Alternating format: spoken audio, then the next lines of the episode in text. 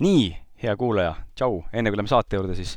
tänane saade on biohäkkimisest ja ma küsin sinu käest, kuidas oleks, kui me nii-öelda biohäkiks ka meie enda keskkonda lisaks iseendale.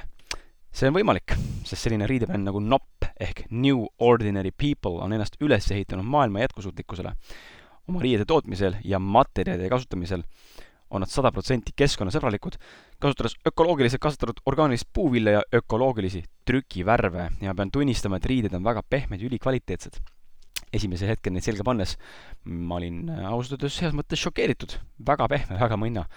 ja lisaks iga ostetud tootega istutavad nad ühe puu maailma erinevatesse paikadesse see on üks viis, kuidas võidelda metsade hävitamise vastu ja ühtlasi aidata sellel planeedil, kus me elame, olla jätkusuutlikum koduleheküljelt newordinarypeople.com leiad riideid nii lastele, naistele kui ka meestele ja kasutades sooduskoodi kriskala kümme või ausad mehed kümme, saad ostukorvilt miinus kümme protsenti alla. head shoppamist sulle ja loomulikult head saadet!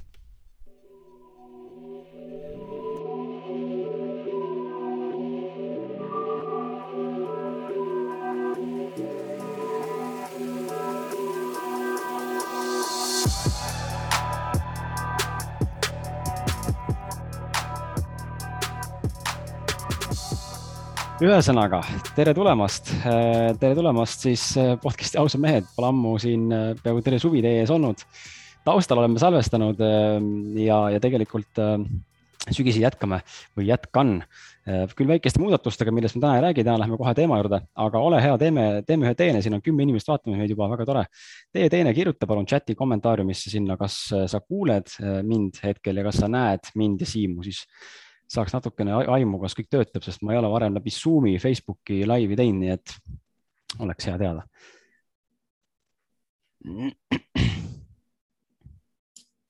kõlab hästi. aa, ma ei, mul veel ei kuva, sul juba kuvas kommentaare, jah, väga hea, okei okay,, siis lähme, siis lähme, mul siin tundub, et telefoniga jääb see läägib vist, aga okei okay,, väga lahe. ühesõnaga ja võtan selle paberi ette meil siit endalt, kus meil siin kõik kirjas on tegemist on siis äh, super, Einar on kohal ja Helen on kohal, väga tore, tšau. Äh, tegemist on siis viieosalise episoodiga, kus siis Siimuga räägime mm, iga osa erinevatel teemadel ja me lähme, ma püüdsin ta võtta kokku selliselt, äh, ütleme, Siimu peamistest valdkondadest lähtuvalt, millest ta oskab rääkida ja millest ise on väga palju kogenud ja, ja katsetanud teine episood on küll naistest konkreetselt, et Siim naiseks olemist ei ole katsetanud ega kogenud, aga, aga ma usun, et oskab seal kaasa rääkida ja, ja suunata ka naisterahvaid eh, enda optimiseerimise suunas. nii et eh, väike sissejuhatus sulle ka, kes on Siim Land. Siim Land on siis eh, bestselling autor, avalik esineja, konsultant Saaremaalt. hariduselt on ta antropoloog, ta on maailmas üks tuntumaid biohäkkereid kes on kõnelenud siis suurimatel biohackingu konverentsidel nii USA-s kui ka Euroopas. ta on kirjutanud mitmeid raamatuid nagu näiteks metaboolne autofaagia ja stressist tugevamaks ning inglise keeles on samuti ilmunud raamatud The Mineral Fix ja The Immunity Fix. Siim ise kasutab enda töö kirjeldamiseks üsna tihti sloganit Body Mind Empowerment, mis siis viitab füüsilise ja vaimse tervise edendamisele. ja Siimul on Youtube'i kanal, kus on üle saja seitsmeteist tuhande subscriber'i ning Instagramis siis üle viiekümne tuhande jälgija ja tema podcast'e või podcast'il endal, äh, Siim Land podcast, on siis üle mitme miljoni download'i, nii et minust pika puuga ees rahvusvaheliselt tegutseb, väga lahe, mul on suur au äh, Siimuga jälle vestelda, Siim on väga haritud ja väga intelligentne ja väga muhe inimene. Tundub teile, kui te ei ole varem Siimuga kokku puutunud, sest minu meelest Siim on tuntud rohkem rahvusvaheliselt ja Eestis tundub, et väga sa ei ole nagu niimoodi aktuaalselt pildis olnud, vähemalt mitte nii suurelt, välja arvatud siis, kui sa käid kuskil podcast'is nagu täna või kuskil mujal aga kui siin tundub teile niisugune kuri ja, ja, ja eestlaslikult äh, tagasihoidlik, siis tegelikult sisimas ta kiljub ja, ja mõtleb kaasa ja naerab ja, ja on õnnelik mees. Nii et ärge siis äh, olge heidutatud sellest, et Siim tundub vahepeal võib-olla hästi tõsine, et ma tundun ka tõsine, aga tegelikult äh, me, me oleme emotsionaalselt toredad ja mõnusad. tänane esimene episood sellest viielisest või viie episoodilisest seeriast siis keskendub meestele ja me räägime siis lihase kasvatamisest, kaalu langetamisest, trennist, toitumisest natukene, sest toitumisest tuleb tegelikult rohkem juttu ka järgnevates episoodides ja räägime üleüldiselt hea, heast väljanägemisest või, või kuidas jõuda hea väljanägemise juurde läbi siis biohackingu tööriistade või sellise kontseptsiooni laiemalt. nii et teie küsimused on oodatud.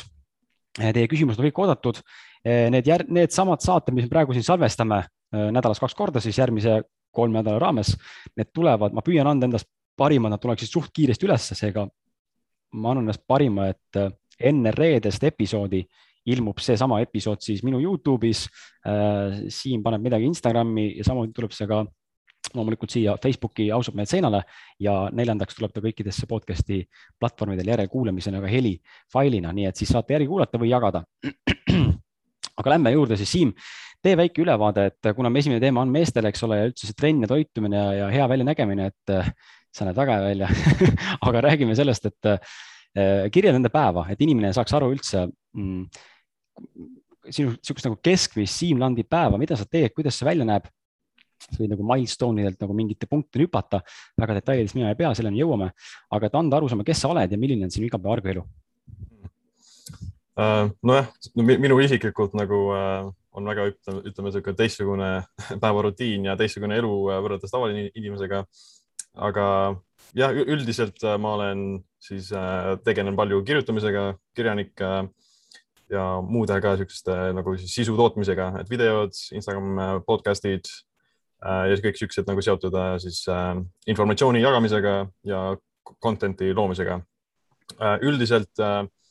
noh, elan Saaremaal ka, seda ütlesid juba ja jah, nagu päev, igapäevaselt tegelen siis enda nagu siis brändi ajamisega. päev näeb välja nii, et nagu enamus päevast ma teen tööd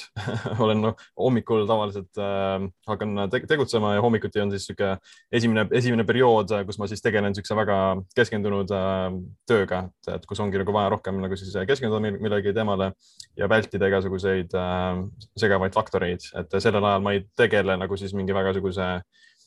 nii-öelda sotsiaalmeediaga, et seal esimene hommikupool on tavaliselt siis niisugune produktiivne. Äh,. pärast seda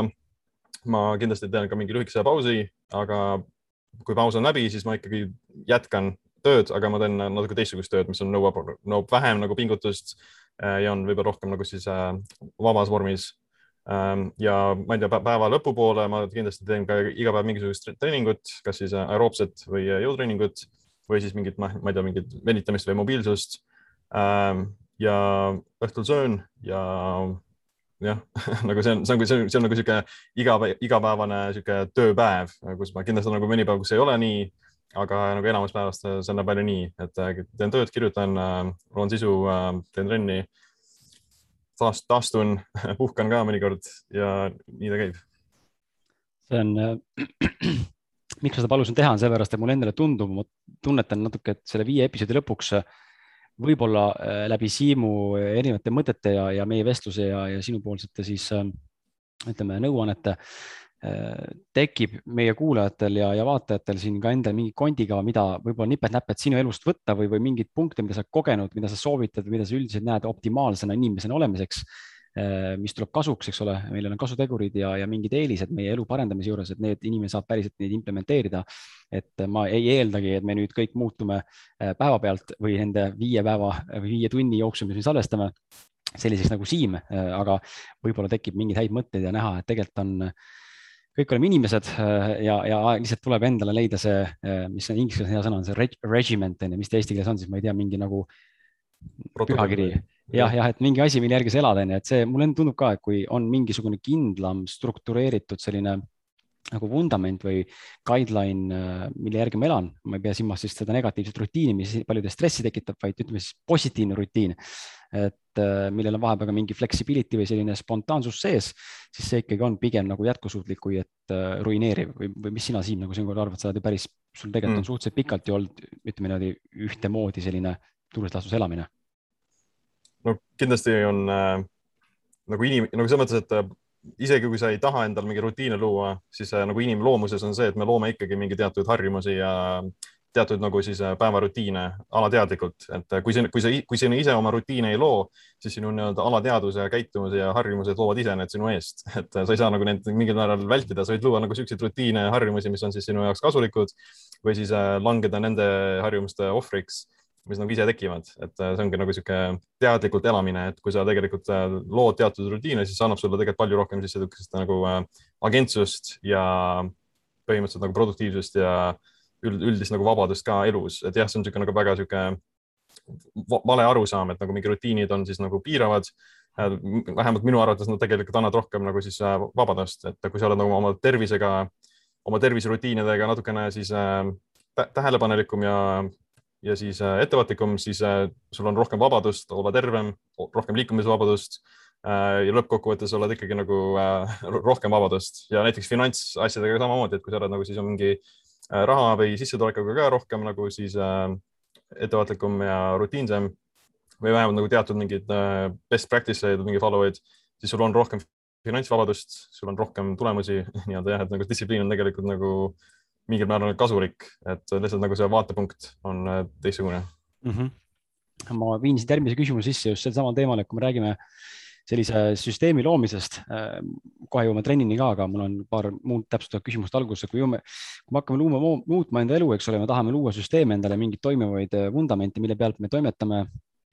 just nagu rääkides siin sellest rutiinist, siis muutus on miski, mis on tihtipeale väga raske, eks ole, teaduslikult on tõestatud ka, et seal on mingisugune see periood, enne kui see muutus on nagu väga raske, siis ta läheb lihtsamaks ja lõpuks on ta automatism, on ju, vähemalt niimoodi on see võrrand, ideaalis võiks nagu välja näha. et äh, kas oskad nagu inimestele siin ette manada juba nüüd siis ütleme selle viie eesoleva episoodi kohta, et kui me võtame nüüd selle teekonna sinuga koos siin ette või sinu äh, mõtetest tulenevalt hakkame siin sellel käima biohäki teekonnal või, või ennast nii-öelda optimeerima, siis see vajab muutust, see vajab kohanemist, et milleks tuleks valmistuda eh, nii vaimselt, füüsiliselt kui ka psühholoogiliselt? Äh, no ma arvan, et kõige, kõige tähtsam asi on äh, mingil määral võtta see vastu otsus, et sa tahad siis midagi muuta ja luua uusi harjumusi, uusi käitumismustreid, sellepärast et see otsuse tegemine annab siis niisuguse ma ei tea, nagu lükke või äh, annab niisuguse põhjuse, miks, mida, miks midagi teha, et kui sa oled selle otsuse ära teinud, siis nagu tahes-tahtmata või vähemalt nagu sul on suurem võimalus seda otsust ka siis seda, selle otsusest nagu kinni pidada rohkem.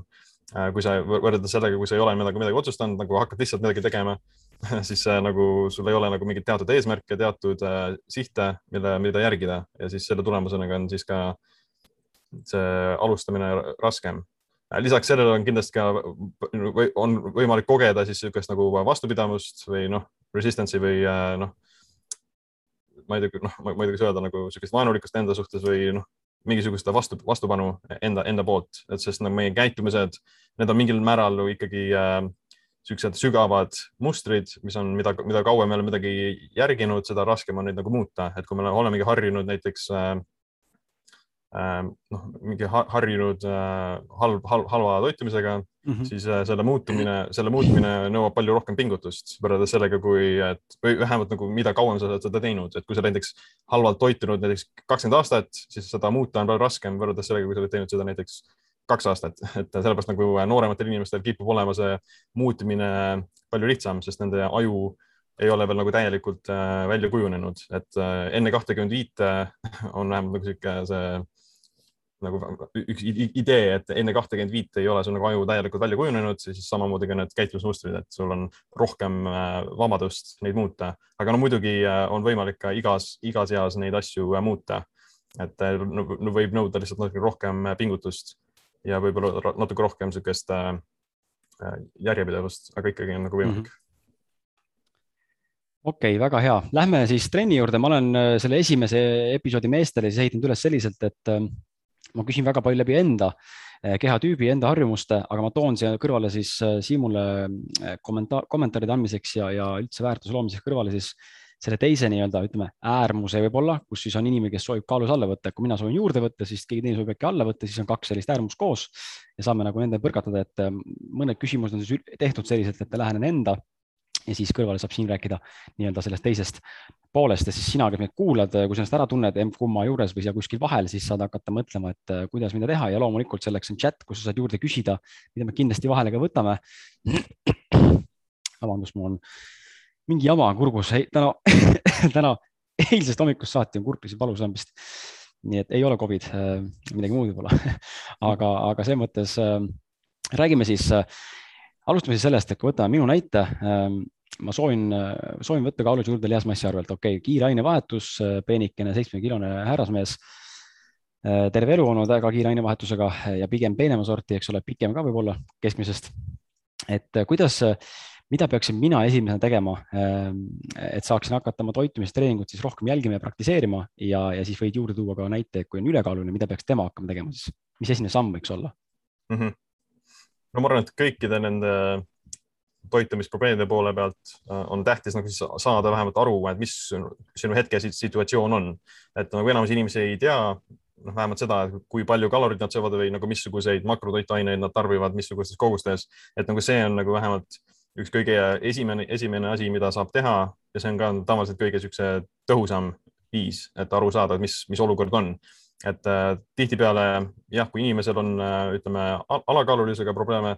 siis äh, noh, tavaliselt nad ei äh, tarbi nagu piisavalt kaloreid ja neile võib tunduda, et nagu nad söövad küll nagu väga palju, aga kui nad nagu reaalselt möödavad, siis äh, lihtsalt ei, ei, ei ole nagu numbreid nagu, ei anna numbrid nagu nii palju välja, et äh, see on jah, et nagu sihuke e-, erinevad nii-öelda kehatüübid, erinevad erinevad äh, isiksused, iseloomu sarnasused, et nagu osad inimesed nagu siuksed väga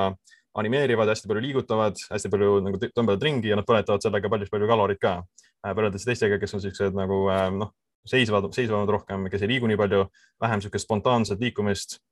et nende nagu siis päevane kaloraaž, kalorite põletamine on ka selle, selle võrra madalam, et kui see vähemalt mingi paarsada kalorit küll nagu mõjutab, et äh, on võimalik siis nagu selle, selle arvelt äh, põletada erinevat, erineval hulgal kaloreid ja kui sa ei ole siis nii-öelda kalori, äh, kalorite poole pealt nagu siis positiivsuses, et sa ei tarbi rohkem kaloreid, kui sa põletad, siis sa ei võta ka kaalust juurde, et jah, alakaalulikud, alakaalulisused, alakaalulisused inimesed, nemad tihtipeale siis ei söö piisavalt toitu, vähe kaloreid ja või, või kui nad söövad ka nagu siis toitu hästi palju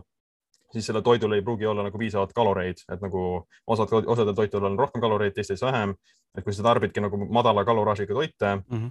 Mis on, kipuvad olema näiteks taimetoidulised asjad, äh, siis äh, ongi jah, nagu su päevane kaloraaž on selle võrra ka kipub väiksem olema. Äh, võrreldes, kui sa sööd näiteks mingi noh, Hesburgerit või McDonaldsit, siis sa saad sealt ühest einest juba nagu päris korraliku kaloraaži kätte, et jah, niisugune esimene point oleks nagu siis aru saada, et kui palju kaloreid ma üldse nagu tarbin ja isegi uuringud näitavad, et inimesed on päris halvad selle hindamises, et äh, kui nad otseselt ei mööda, siis nad ei tea ka täpselt, kui palju nad siis tarbivad või kui palju nad põletavad. et see, see erinevus võib olla isegi mingi kakssada kuni tuhat kalorit, et inimene arvab, et ma tarbin küll ainult mingi tuhat kalorit päevas ja ma ikkagi ei kaota kaalu. aga kui ta ikkagi selle ära möödab, siis ta saab aru, et ta tarbib üle mingi kaks tuhat viissada kalorit või midagi niisugust, et see ikka pisikesed asjad nagu kipuvad sisse hiilima ja me üri, ala, nagu alateadlikult mingil määral oleme niisuguse eelarvamusega, et me tarbime nagu vähem kaloreid, kui tegelikult tegelikkuses on. aga milline on äh, sinu soovituses see kõige parem tööriist täna näiteks kalorite väljaselgitamiseks või, või selle mõõtmiseks, et on meil mingid äpid olemas, on meil mingid, on meil kindlasti toidukaalu vaja mm. kus me seda teha saame? jah, üks noh, üks kõige täpsem variant oleks jah, nagu reaalselt siis kaaluda ja mõõta, panna kõik asjad, numbrid kirja. otseselt nagu seda ei ole vaja teha, et äh, noh, mina, mina ei ole nagu teinud seda mitu aastat, äh, ma ei ole nagu mõõtnud ega kaalunud, aga ma küll nagu olen nagu mingil määral alateadlikult teadlik, et kui palju mingis, mingis toidus on, et alguses on võib-olla siis, kui sul ei ole nagu niisugust äh, varasemat kogemust sellega üldse, siis on hea nagu siis vähemalt mingil perioodil seda praktiseerida, et õpetada endale siis nagu, et kui palju toit, kui palju on nagu mingi erinevaid kaloreid erinevates toitudes. et äh, meile koolis niisugust asja küll ei õpetata, et, et seda tuleb ise nagu mingil määral endale selgeks teha, et äh, kui palju kaloreid ja kui palju näiteks valku või rasva on äh, mingisuguses toidus, et mingis jogurtis või banaanis, mis iganes, et jah, et see on küll alguses võib-olla oleks kasulik teha mingi, ma ei tea, kaks nädalat umbes, kui sa jah möödad ja kaalud nagu mingil määral, noh, kõik ei pea, aga ütleme nagu enam-vähem äh,. ja siis saad aru nagu niisuguse baseline'i, et kus on, kus on, kus sinu siis praegune olukord paikneb. ja äppideks on kronomeeter, on niisugune üks kõige paremaid, mida ma tean, et seal kronomeetris on hästi-hästi äh, suur see siis andmebaas erinevates toitudes, saad kirja panna, mis toit seal on ja see ütleb sulle siis, kui palju sealt keskmiselt on, et kui palju äh, keskmiselt siis makroid ja kaloreid on mingis toidus ja lisaks sellele ka siis need mikrotoitained, et kui palju äh, kaaliumit või kui palju rauda -hmm. on banaanis äh, ja, ja nii edasi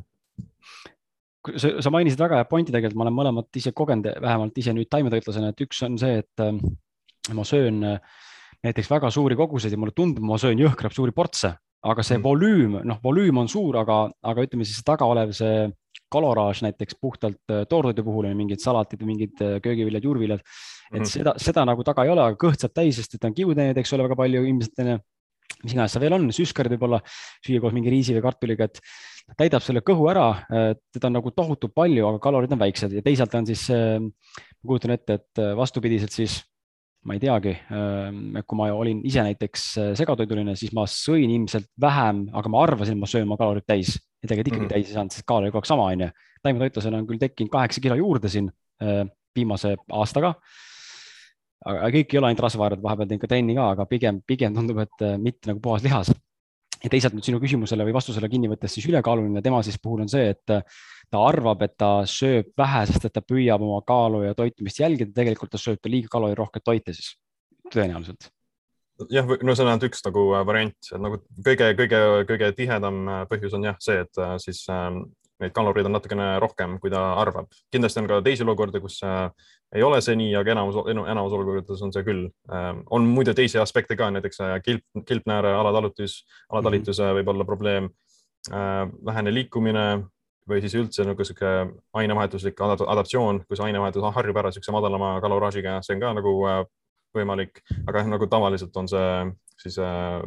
ei ole nagu siis selles kaloridefitsiidis. muidugi selle, selle väikese kaloraažiga toitumine on jah, just nimelt näiteks ülekaalulistele inimestele palju sobilikum, et jah, saavad täiskõhu,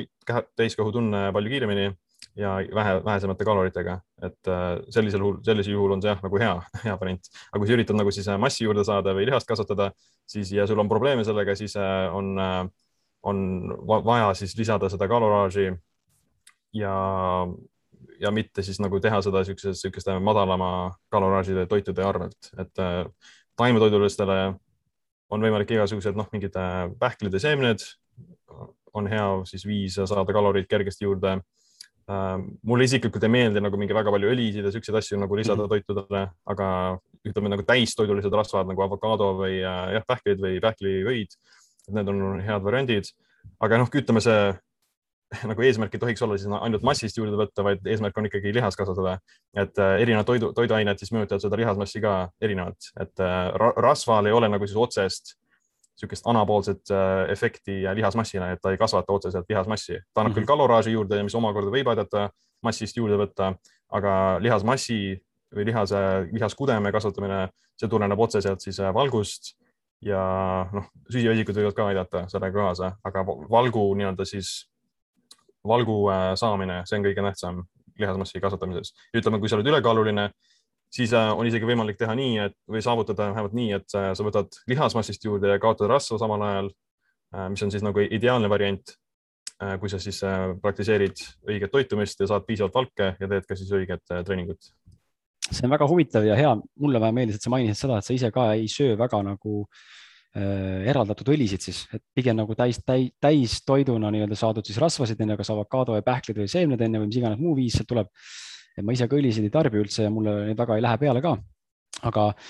eh, sealt võib, siin võib tekkida kohe juurde see küsimus on ju, et äh, kas me nüüd peame siis ainult kaloreid jälgima, ma kindlasti saaksin need täis, sest vaata enamus ju kulturistid ja ütleme, eratreenerid spordisaalides igal pool enamik neist, ma nüüd praegu panen puusalt natuke kogemuse pealt ka ja juttude põhjal, mida ma kuulnud olen ja näen, äh, ma võin eksida, aga mulle tundub, et suur osa tegelikult ikkagi ajab seda kaloraaži taga, et lükka enda kalorid lakke, vaata, meil on see pulgi, on ju, võta juurde tohutult, saar, mine rasvaseks, on ju, Micheliniks ja siis mm. tõmbad mm. nagu alla, on ju, et, et tegelikult sina oled teinud seitsme aastaga, just täna enne sinu, meie vestlust vaatasin sinu seda seitsmeaastast äh, kas-, lihase kasvatamise ja üldse kaalu kasvatamise nagu teo, noh, seda videot on ju kuidas ta on nagu progressiivselt läinud nagu ühtemoodi, ilma et su keha kompositsioon oleks väga palju muutunud rasvaprotsendi arvelt. et meil on millegipärast on see müüt, on ju, et lükka need kalorid lakke ja siis põleta ära, on ju. Mhm. aga, aga sina tegelikult ju väga paljuski oma sõnumites juhid tähelepanu just nimelt sellele, tegelikult sellele proteiini tarbimisele, et see peaks olema kõrge, kui soovid tõesti lihasmassi ehitada. et mm -hmm. kumb on siis nagu olulisem, kas sa jälgida kaloreid või, või ikkagi rohkem mitte siis neid kaloreid nii, nii väga sisse ahmida, vaid pigem trenni tehes siis ikkagi mõlema puhul, nii skinny inimese puhul kui ka ülekaalus inimese puhul proteiini nii-öelda intake või sissetarbimine mm. -hmm. ma arvan, et jah, see sõltub nii-öelda siis sinu sellest treeningstaažist ja hetke, hetkeolukorrast, et kui sa oled jah, juba kulturismiga tegelenud ja jõusaaliga tegelenud ja sa tahad nii-öelda siis next level'ile saada oma siis lihasmassiga ja kaaluga, siis on jah, mingil määral vaja seda natukene kaloraaži rohkem push ida, et äh, seda massi kasvatada ja siis hiljem nagu natuke tagasi tõmmata. aga, ja kulturistid kindlasti ka rõhutavad seda, et kõrget proteiini, et äh, nad söövad tegelikult nagu väga rohkem proteiini kui tavalised inimesed. Ähm, ja, ja siis ka põhjusega, aga tavalisi, tavaline inimene näiteks või ülekaaluline inimene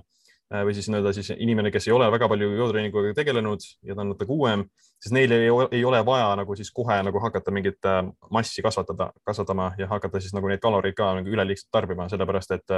nende keha on nagu väga tundlik sellele siis jõutreeningule alguses ja nad ei, nad ei pruugi isegi nagu, nad ei pea isegi nagu väga palju muudatusi tegema. kui nad lihtsalt lisavad selle jõutreeningu, siis nad näevad juba neid positiivseid muutusi, et nad kasvatavad lihasmassi ja kaotavad äh, rasvamassi selle tulemusena, et äh, ma arvan, et niisugune hea, hea nagu siis point või äh, hea reeg, reegel, mida järgida alati on see, et ma ei tohiks nagu neid mingi muudatusi nagu kohe mingi ühte patta visata, et sellepärast, et siis, kui siis keha nagu harjub endaga kohe ära ja hiljem ei ole sul nagu need e-, erinevaid variante, mida, mida muuta, et alguses tuleks nagu teha neid muudatusi nii-öelda ükshaaval mingil määral ja vaadata, kuidas keha reageerib ja ei oleks ka vaja siis nagu kohe nagu max out ida nende asjadega, et nagu siis jah, lineaarselt natukene suurendada oma kaloreid, lineaarselt äh, lisada jõutreeningut äh, lineaarselt või kaalu langetamise puhul, et lineaarselt siis alandada kaloreid ka, et mitte minna kohe nagu siis mingi hakata sööma mingi tuhat kalorit neid päevas, et vaikselt-vaikselt äh, natukene, sest su keha nagu siis, sa vähendad oma kaloreid näiteks umbes paarsada tükki ja su keha ikkagi hakkab, hakkab seda rasva kaotama selle tulemusena. Äh, ja see, kui sa ei hakka enam toimima, siis sul on vaja natukene vähendada veel rohkem ja nii vaikselt minna, et võrreldes sellega, et sa lähed kohe nagu siis miinus tuhat, et see, kui sa lähed miinus tuhat kohe, siis su keha harjub seda kogu aeg hästi kiiresti ära ja siis on hiljem nagu palju raskem nagu neid muudatusi teha, et selle mm. asemel jah, panna kõik asjad ühte patta korraga,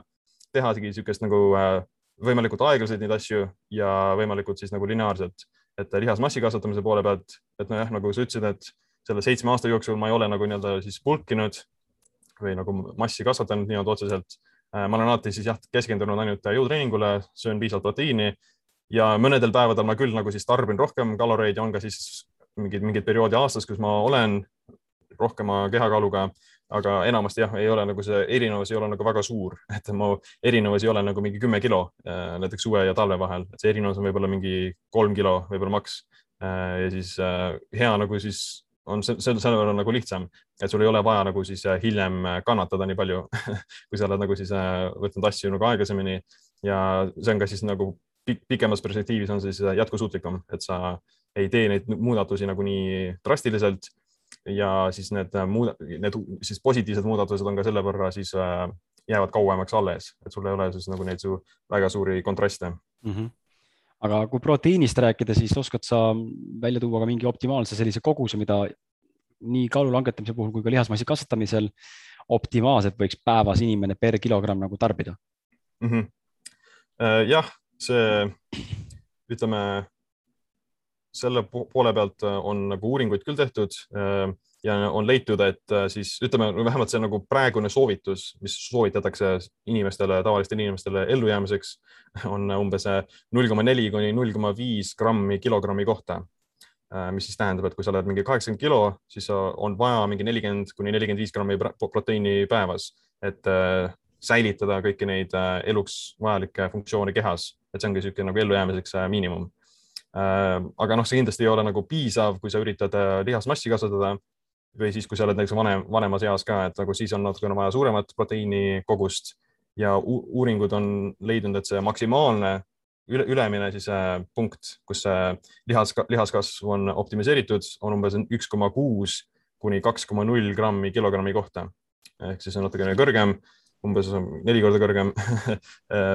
ja siis kaheksakümne kilosele inimesele on see umbes äh, noh, mingi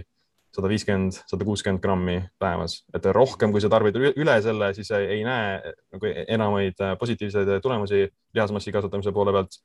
Äh, aga jah, umbes seal vahemikus on see nagu siis see maksimaalne kasu, et ma arvan, et kui sa jääd kuskile null koma kuus kuni, ütleme mitte null koma kuus, vaid mingi jah, üks, üks gramm kilogrammi kohta kuni üks koma kuus, äh, siis seal on nagu niisugune vahemik, kus on võimalik näha, et nagu enamasti ma ikkagi soovitaksin inimestel jah, üks koma kuus, see on nagu hea, siis äh, kõrge, kõrgem see sihtpunkt. Selle proteiiniga käib käsikäes äh, süsivesikud, mille kohta on päris palju müüte, on ju, et osad ütlevad, et jube halb on, ära tarbi üldse neid et äh, ja teine siis äh, see pool ütleb, et süskarid on äh, põhimõtteliselt noh, elu vaata, et söö täiega, et ainult neid söögi. sina ise mhm. oled ju tegelikult süsivesiku, süsivesikutega tegelikult üsna palju mängid. et äkki alguses natuke siinkohal ka, et kui inimene, kes tahab juurde võtta, mina näiteks soovin võtta juurde, ähm, noh, mina tahaks võtta juurde mitte siis massi arvelt, tähendab mitte, mitte siis rasva ja kaalu arvelt, ikkagi lihasmassi arvelt. ja keegi siis, kes tahab alla võtta kaalus, samal ajal siis alla võttes rasvaprotsenti ja kasutades ka lihast, eks ole. Et mida siis süskaritega teha, kui palju neid ja kas üldse, mis, mis, mis nagu vahekord seal olla võiks mm? -hmm ütleme kulturistide poole pealt äh, või siis nagu jah, professionaalsed sportlased, nemad, nemad tihtipeale teevad nii, et nad äh, kõigepealt siis äh, saavutavad selle proteiini optimaalsuse, mis on umbes, jääb nagu protsentuaalselt jääb see umbes mingi äh, kakskümmend viis kuni kolmkümmend viis protsenti päevasest kaloraažist on proteiin.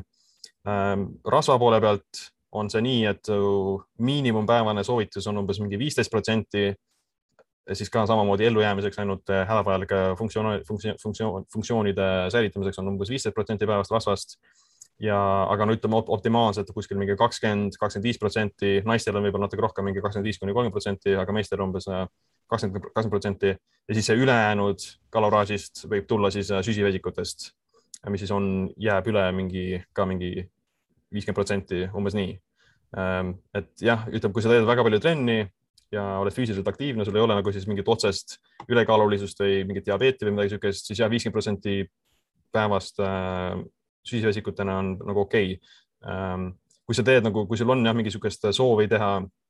madalama süsivesikuga toitumist, siis äh, jah, seda saab vähendada sealt. Äh, rohkem kui seda tarbida on ka võimalik, aga jah, siis võib nagu tekkida mingisugused hormooni äh,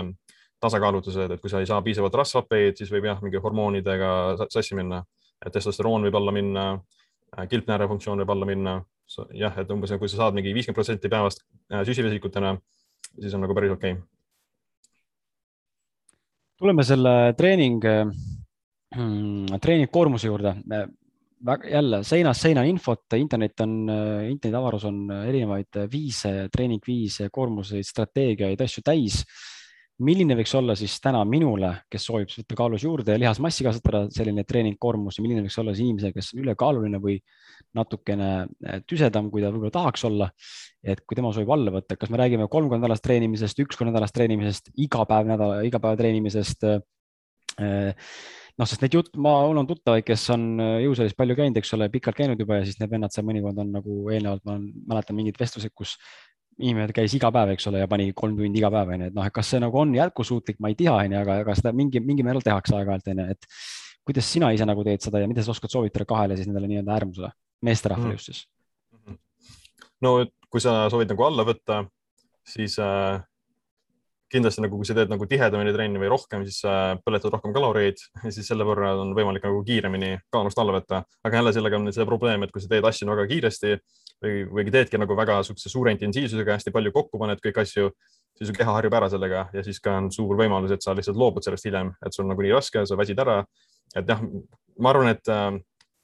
midagi nagu on hea teha midagi füüsilist nagu iga päev, et see ei pea olema alati niisugune raske jõutreening või mingi kardio, see võib olla ka lihtsalt mingi jalutamine,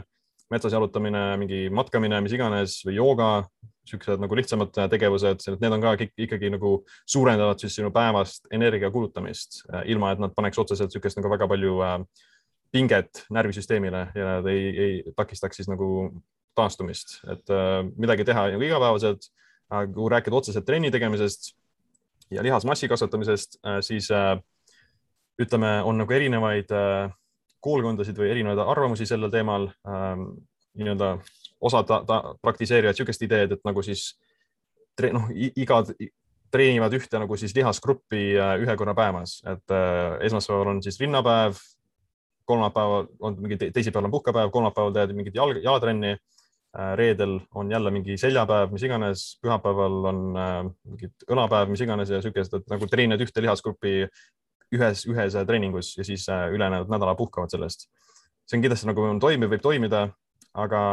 ütleme, et sa, kui sa treenid ühte lihasgruppi ühe korra päevas või seal ühe korra nädalas, siis äh, see nagu siis lihase kasvatamise signaal selles lihasgrupis ei, ei ole nagu väga kaua kestev, et äh, see signaal võib seis, jääb seisma siis sellesse lihasgruppi umbes, ma ei tea, nelikümmend kaheksa tundi, umbes nii, kui sa oled algaja, siis see lihasignaal võib seista sinna isegi nädal, et siis on võimalik nagu ka näha kiireid tulemusi. aga kui sa oled nagu siis juba edasi jõudnud ja sul on juba natukene trenni, trenni staaži, siis äh, natukene tihedamini neid lihas, lihasgruppe treenida on, kipub olema kasulikum, et uuringud on näidanud, et kui sa treenid seda lihasgruppi kaks kuni kolm korda nädalas, siis on rohkem nagu ta siis tulemusi jõus ja lihasmassis. et jah, on nagu erinevaid viise, kuidas nagu seda struktureerida, et mina isiklikult teen nii, et ma treenin umbes osasid lihaseid kaks korda nädalas. Et äh, kaks korda nädalas treenin siis nagu lükkavaid lihaseid, mis on siis äh, rinnad surumine, õlapress, tritseps on lükkavad lihased. kaks korda nädalas treenin tõmbavaid lihaseid, mis siis on äh, selg, seljalihased, siis ka, ka bitseps on see ka tõmbamine, tõmbav lihas, jõutõmme, siuksed asjad ja siis jalalihased on kükid ja siuksed asjad. et jah, nagu, nagu kui sa treenid nagu seda lihast nagu siis mitu korda nädalas, siis see signaal jääb ka kauem või tihedamini seisma sellesse lihasesse ja selle tulemusena on siis nagu see, vähemalt see kiirus, mille saavutanud tulemusi on ka natukene kiirem. aga ma ei tea, soovitus on jah, mida, mis soovitus nagu anda, ma arvan, et see oleks see, et äh, treenida siis noh, vähemalt algajatel on hea treenida mingisuguseid nagu ähm, mingisugune sihuke, ma ei tea, rutiin, kus nad treenivad neid lihaseid ka mingi kaks kuni, jah, ütleme alguses on hea teha kaks korda nädalas, et kaks korda nädalas treenid tõmbavaid lihaseid ja lükkavaid lihaseid ja võib-olla ühe korra nädalas jalgu või kaks korda. see tähendaks siis piltlikult öeldes ikkagi niisugust noh, ütleme neli kuni viis trenni nädalas sisuliselt. no või, on, on ka võimalik äh, kahega näiteks äh, hakkama saada, aga siis, siis sa peaksid nagu igas, igas selles üksikus treeningus tegelema äh, kõiki harjutusi mm. -hmm. et sa teedki siis nagu full body terve keha treeningu ühes, ühes treeningus teed, teed äh, nii üla, ülakeha lihaseid ja alakeha lihaseid koos ühes treeningus. Äh, on võimalik nii teha. kaks korda, kolm korda nädalas on isegi võimalik nagu terve keha treenida. aga ja kui sa teed nagu mingit niisugust nagu poolikuti, et lükkavad ja tõmbavad lihased, siis sa pead natukene, natukene vähemalt nagu tihedamini käima. kuidas on ütleme, kaalust allavõtmise juures just näiteks ja tegelikult noh, võib-olla see puudutab ka mingil määral äh, lihasmassi kasvatamise juures, et kui nüüd inimene läheb näiteks jõusaali või hakkab trenni tegema, siis tihtipeale soovitatakse seda ka, et tee ennast soojaks mm. -hmm. jookse seal trenažööril või väntaratast, kus sa juba tegelikult põletad kaloreid.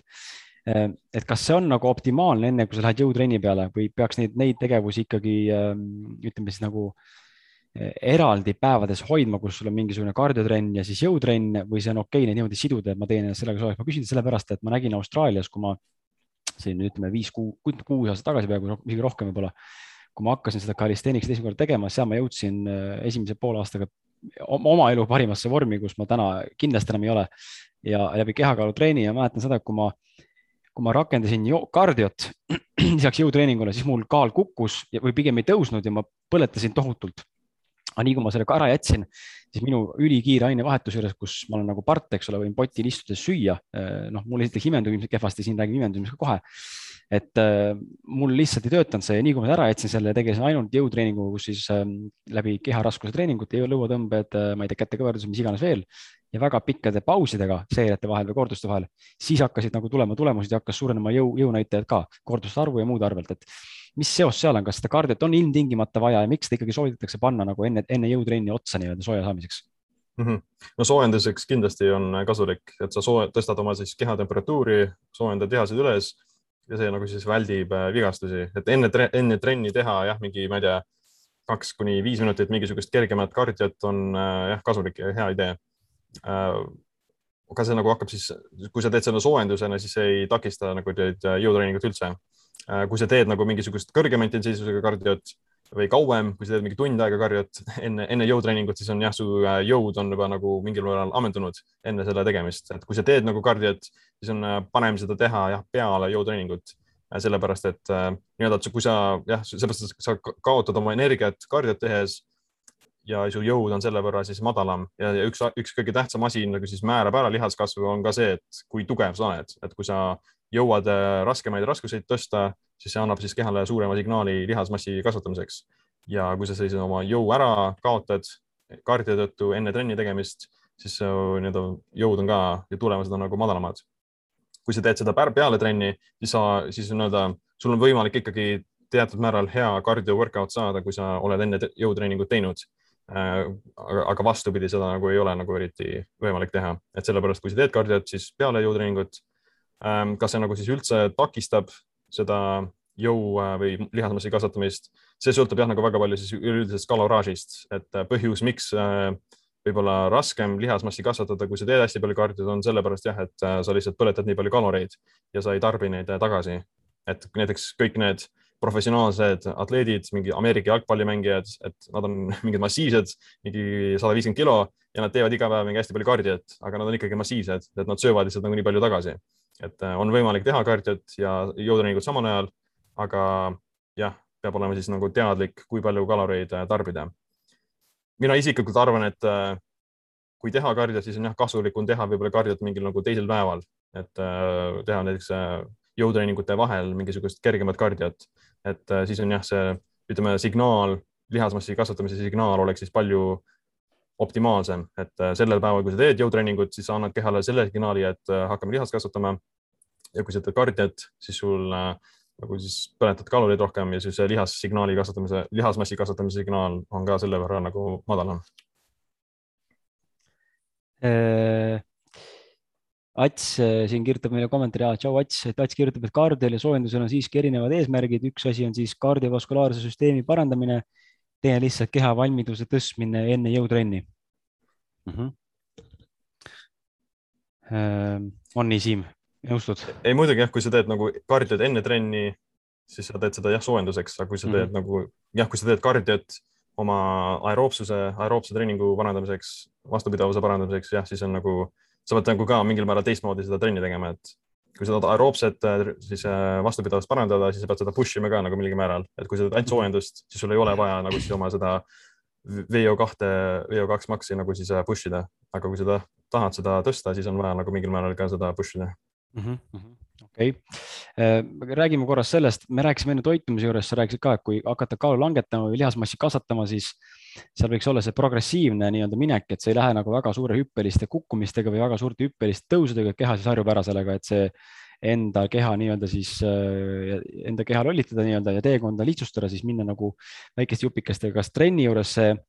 ma küsin sellist terminit nagu progressive overload inglise keeles, mis ta eesti keeles on, progressiivne äh, süsteemi ülekurnatus või mis ta mm -hmm. on. kas, kas, kas see, mis see nagu tegelikult tähendab, kuidas see nagu välja reaalselt näeb, kui inimene pole varem sellest mitte midagi kuulnud? ma iseendal tunnen ka, mul natuke on vist segadus, kuidas see välja näeb, sest mul kohe tekib küsimus, et et kas ma pean siis iga trenn, et äh, vaata, sa tõid küsimuse, kas ma pean iga trenn äh, nüüd tegema siis näiteks kohe raskemate raskustega. Äh, ahah, siin on küsimus ka, aga et kas progressive overload juures, kas peaks kohe iga trenn tegema raskemate raskustega, et näiteks eile tegin rinnalt viiskümmend kilo, täna panen kohe viiskümmend viis järgmise trenniga. või ma peaksin ikkagi tegema ära selle, mis klassikaliselt räägitakse, et kui sa teed kaheksa korda mingit kordust, eks ole, või kümme korda mingit kordust ühe raskusega, et siis sellest tõstad seda, et kuidas seda, kuidas sina seda progressive overload'i nii-öelda mõistad ja kuidas treeningutel siis ütleme, peenik inimene nagu mina seda kasutama peaks ja kuidas siis kaalu alandamisel ülekaaluline inimene seda kasutama peaks mm? -hmm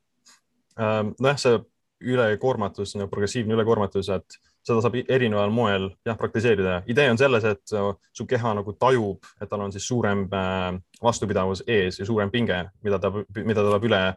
mille, millest ta peab üle saama, et iga kord siis muutub mingil määral raskemaks. Äh, jõusaali kontekstis on see jah lihtne, et sa paned lihtsalt nagu aja jooksul lisad juurde neid raskuseid ja siis su keha nagu siis kohaneb sellega vastavalt. Äh, aga seda saab ka nagu erineval moel praktiseerida, et sa ei pea alati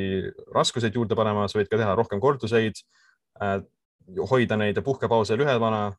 teha mingeid rohkem sette, mis iganes, et on nagu erinevaid, erinevaid viise seda progressiivset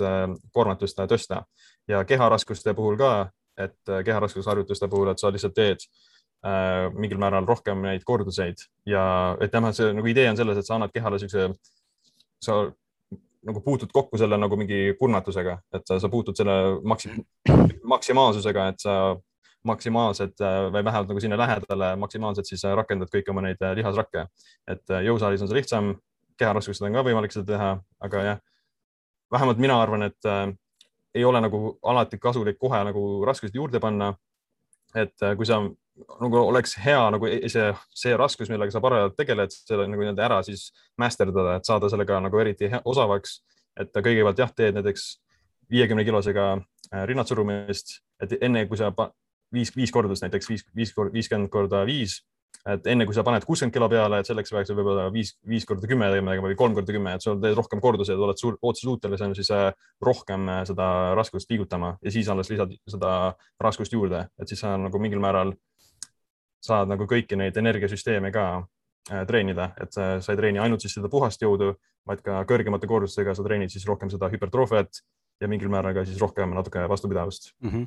kas ma eksin, kui ma ütlen, võib-olla see on individuaalne, mulle endale meeldib äh, niimoodi nagu läheneda asjale ja ma olen näinud, et see teeb asja kohe palju raskemaks, sest et sa sooritad siis asju tõenäoliselt õigesti. Äh, vorm, tehnika, tehnika mingi harjutuse juures, kas ta siis on kehakaaluga, lõuatõmbed, eks ole, või ta on sul rinnalt surumine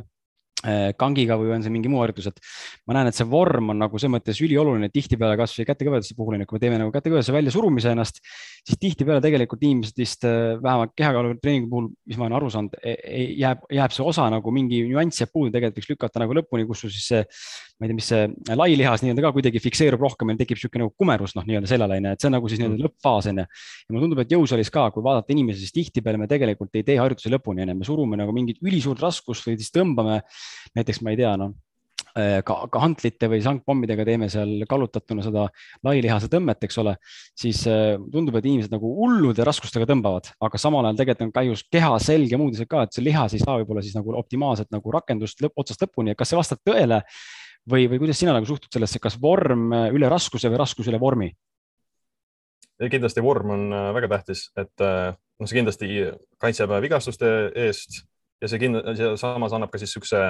rohkem niisuguse tugevuse, et kui sa oled võimeline siis äh, täies ulatuses seda lihast kasutama, siis sul on jah, see lihas nagu terves selles äh, ulatuses tugev. Äh, võrreldes sellega, kui sa teed neid nagu poolikuid korduseid, siis su lihas nagu treenib ainult seda poolikust, poolikute vahemaad ja kui sa kogemata lähed siis sellest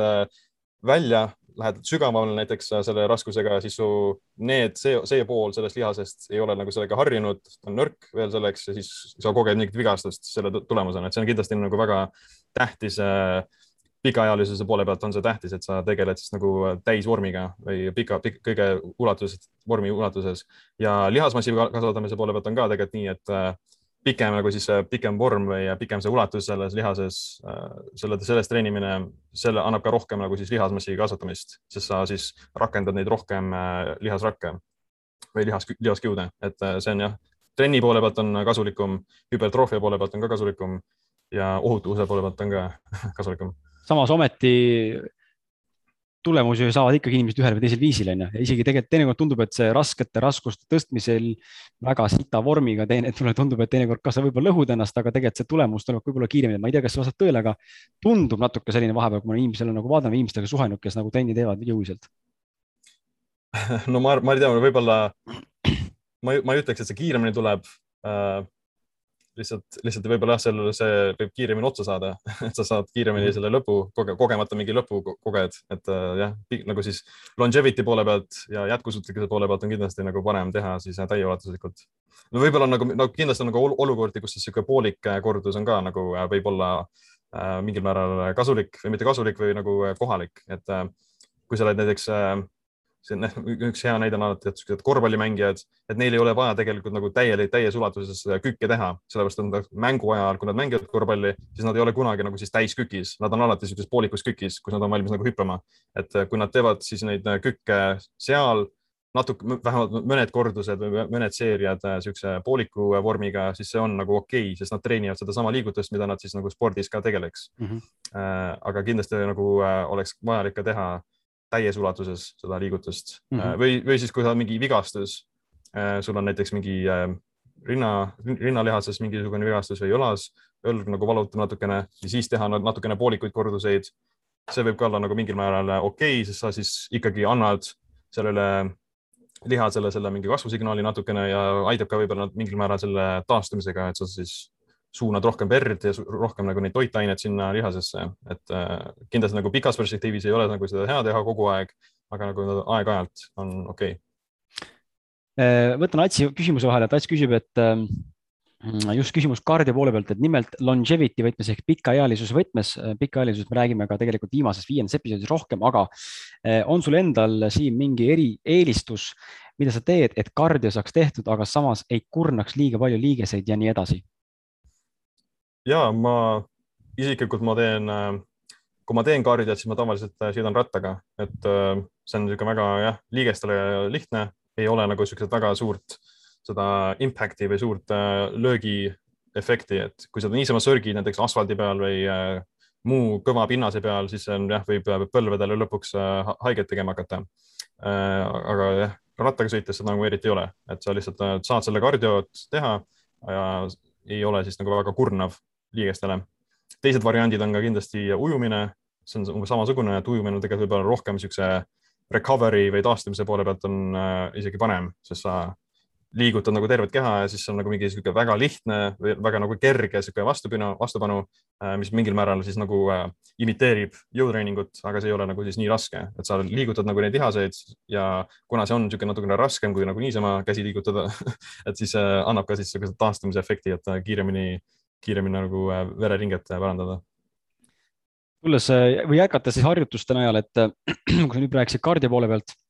siis korra puudutama ka seda jõutreeningu astme pealt, et kui minust lähtuvalt, kui ma tahan juurde võtta, lihasmassi kasvatada ja nüüd kõrvale siis paralleelselt inimene, kes soovib kaalus alandada või tähendab kaalu alandada ja alla võtta, siis millised võiks olla, kui nüüd sa peaksid nimetama äh, niimoodi täitsa noh, ütleme niisugused optimaalsed kolm-neli harjutust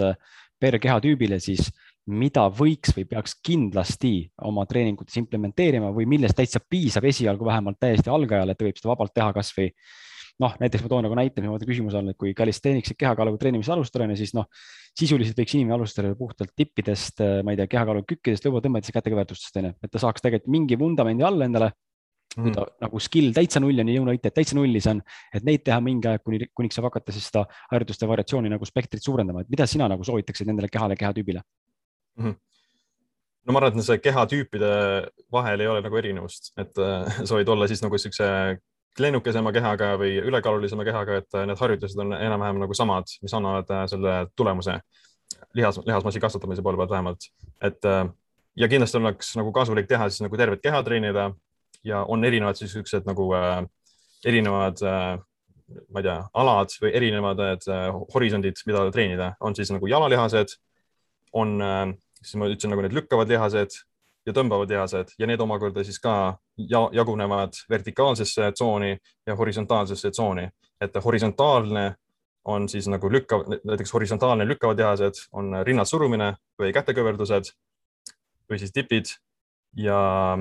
ja horisontaalne tõmbavad lihased on jõutõmme,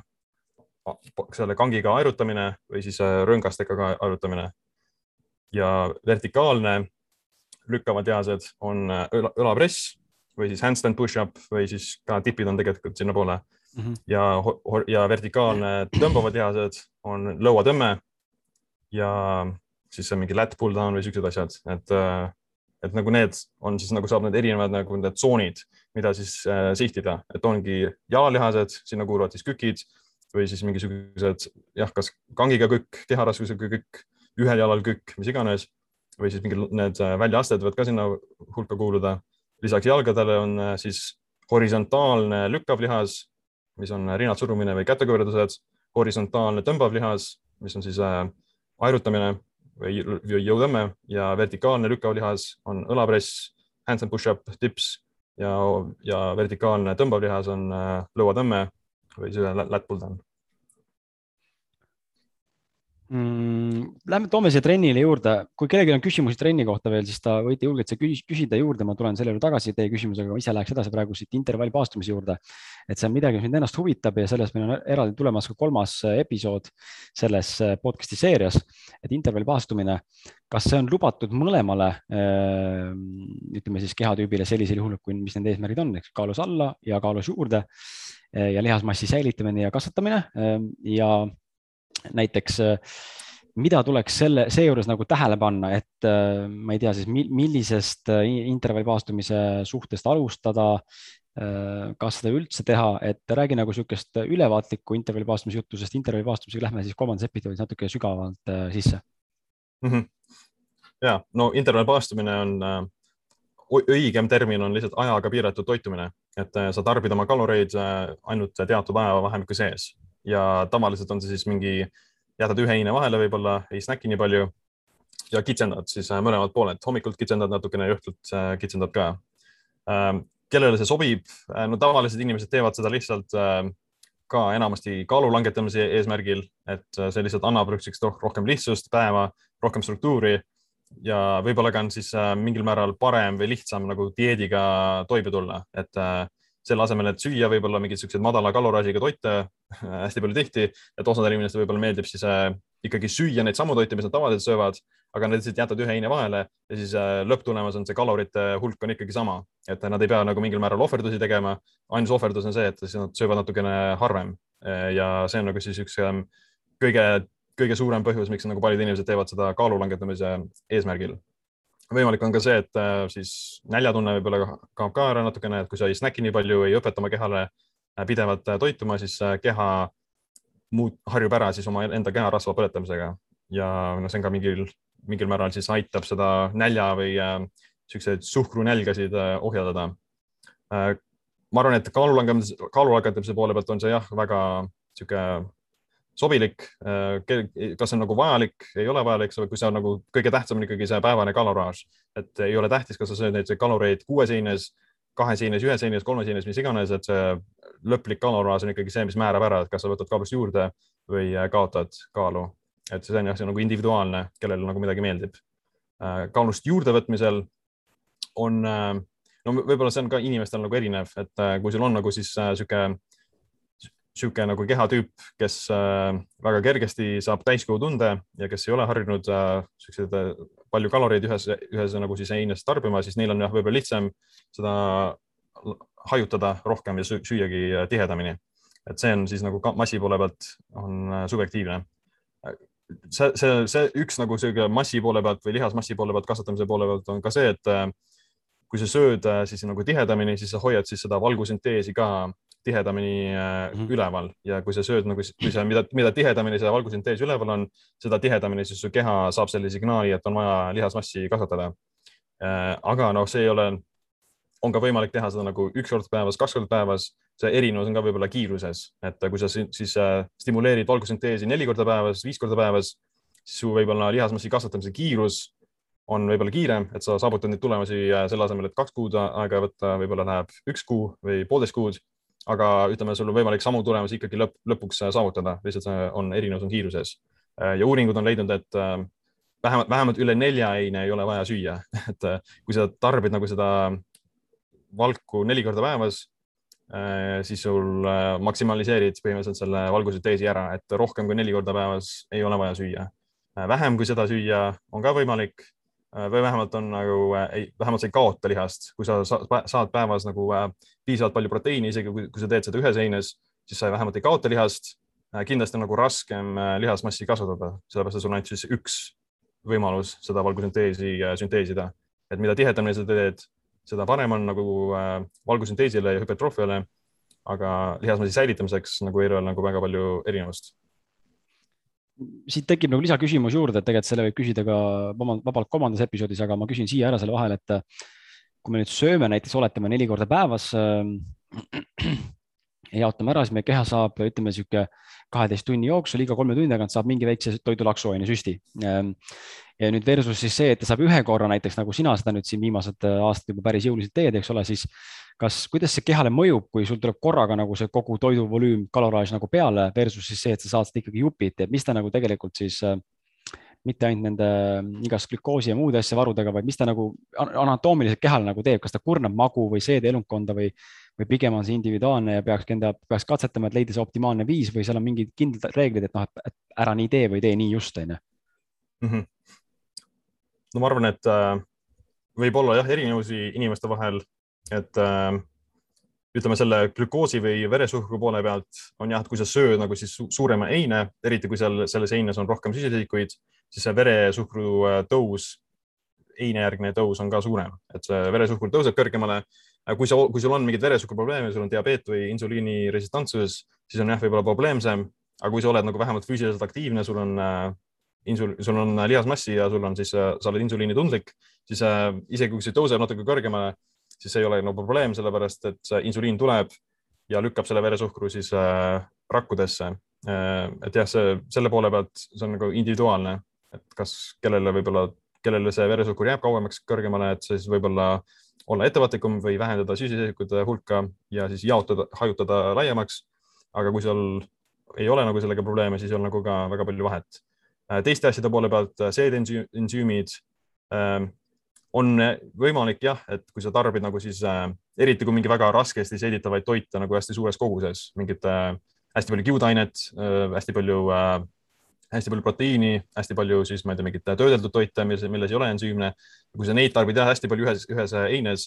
siis jah, võib-olla tekitada mingit ponnistust äh,, seedeprobleeme mm,. Äh, aga see on ka nagu individuaalne, et osal inimestel on nagu niisugune raudne seedimine, et võivad kõike süüa äh,, teistel ei ole seda äh, aga samas, kui sa nagu siis isegi kui sa nagu äh, sööd näiteks kaks, kaks või üks korda päevas, siis sa selle ülejäänud ajast su keha ikkagi nagu puhkab, et äh, seal paastuseisundis, kui sa ei söö, siis su, su äh, nii-öelda siis äh, seedelunkonnad äh, ka tegelikult äh, parandavad ennast ja sa annad ka siis nagu seedimisele pausi, et see on ka nagu mingil määral positiivne, et äh, isegi kui sa sööd nagu siis annad selle oma suurema heine väiksemas äh, või selles nagu väiksemas äh, ajavahemikus, siis see maastuaken ise ka nagu kompenseerib või äh, toetab seda mingil määral, et äh, jah, see on nagu, nagu ma arvan, et see on, inimestel on vaja nagu mingil määral jah, nagu katsetada ja vaadata nagu, missugune siis variant neile kõige paremini sobib. okei okay., selle intervallpaastumise ja ehk siis äh, piiratud ajaga äh, söömisakna juurde tuleme tagasi kolmandas äh, selles meie seerias, seal räägime pikemalt sellest ja detailsemalt tuleme korraks trenni juurde, jälle üks asi, millest väga paljud inimesed on justkui nagu noh, lahkarvamus tekib, eks ole, ja endal ka ma näen, et eh, tahaks nagu eelistada ühte versiooni, aga samal ajal informatsioon justkui ütleb mulle, peaksin tegema hoopis vastupidi. Eh, hommikul või õhtul treenimine, on ju, et kumba pigem mm -hmm. siis nagu teha. Eh, jõusaalis on ka näha, on ju, need, kes lähevad viies-kuues trenni, mina kui jõusaalis mingi aeg käisin aktiivselt, siis ka läksin enne tööd, töö kuskil kümme, läksin enne tööd jõusaali, viies-kuues kavati tegin oma asjad ära, läksin fast ituna tööle, siis fast imise töö ajal jooksul siis mingi see on esimese toidu onju. et ma väga ei ole mitte kunagi oma elus õhtut trennis käinud, mul tunnen kuidagi, ma olen niisugune nagu sihuke sluggish õhtuti nagu ei taha teha viie-kuue ajal juba, ei taha üldse midagi teha, mingit jõupingutust, et kuidagi ei ole, kas seda energiat, ma ei tea, kas siis päeva jooksul see elustiil või tööviis, mida ma teen, see on liiga palju nagu energia consuming, eks ole, ma ei tea, noh, mul ei ole nagu aktiivne töö, ma ei ole ehitusel, eks ole, aga inimestega suhtlen või ma ei tea, võib-olla siis see vaimne töö kurnab füüsilise keha lõpuks, et ma ei tea. ma näen, ma tahaks eelistada hommikust trenni, aga millegipärast äh, väga paljud räägivad just, et äh, see kasvuhormooni tootlikkus ja kõik see testosterooni muu asi, mis tegelikult on kasulik meie kehale mis tegelikult nagu nii-öelda soodustab siis lihasmassi kasvu ja trenni efektiivsust või tulemuslikkust, on tegelikult kasulik teha trenni õhtuti. kumb see siis on, mis sinu arvamus nagu Siim on, mis su kogemus on mm? -hmm no ma arvan, et see kõige parem trenni, aeg trenni teha on see nagu, millal sa saad, et äh, isegi kui kõik teised asjad on optimaalsemad kuskil teisel ajal, siis äh, see kõige suurem signaal kõige suurem need tulemused, kõige rohkem tulemusi sa saad ikkagi sellest trennist ise, et kui sa selle trenni vahele jätad, siis see on nagu hullem variant kui äh, see, et sa teed seda mingil nagu vähem optimaalsel ajal. Äh, ma arvan, et noh, no see on küll tõsi, et nagu see testosteroon ja siis äh, lihasjõud ja plahvatuslikkus ja koordinatsioon, et need kipuvad tipnema umbes kolme kuni viie vahel pärastlõunal, et nagu see on siis nagu selle ööpäevarütmi poole pealt on see tõsi jah, et see on hetk, kus oleks siis kõige optimaalsem aeg teha mingisugust jõutreeningut. Ähm, kas teistel aegadel on halvem? no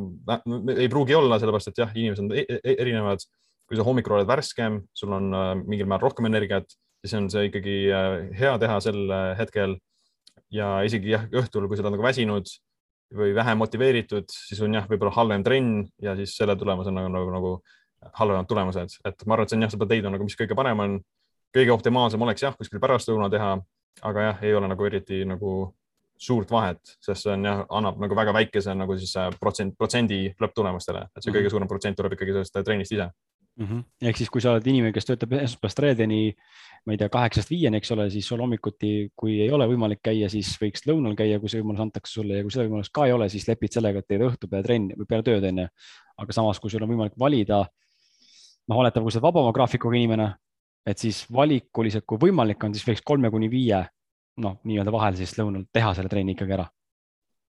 jah, ütleme, kui sa elad ideaalses maailmas, et kui sa ja, saad jah. kõiki asju nagu kontrollida, siis äh, jah, kuskil seal vahel. aga me saame ju aga elame ideaalses maailmas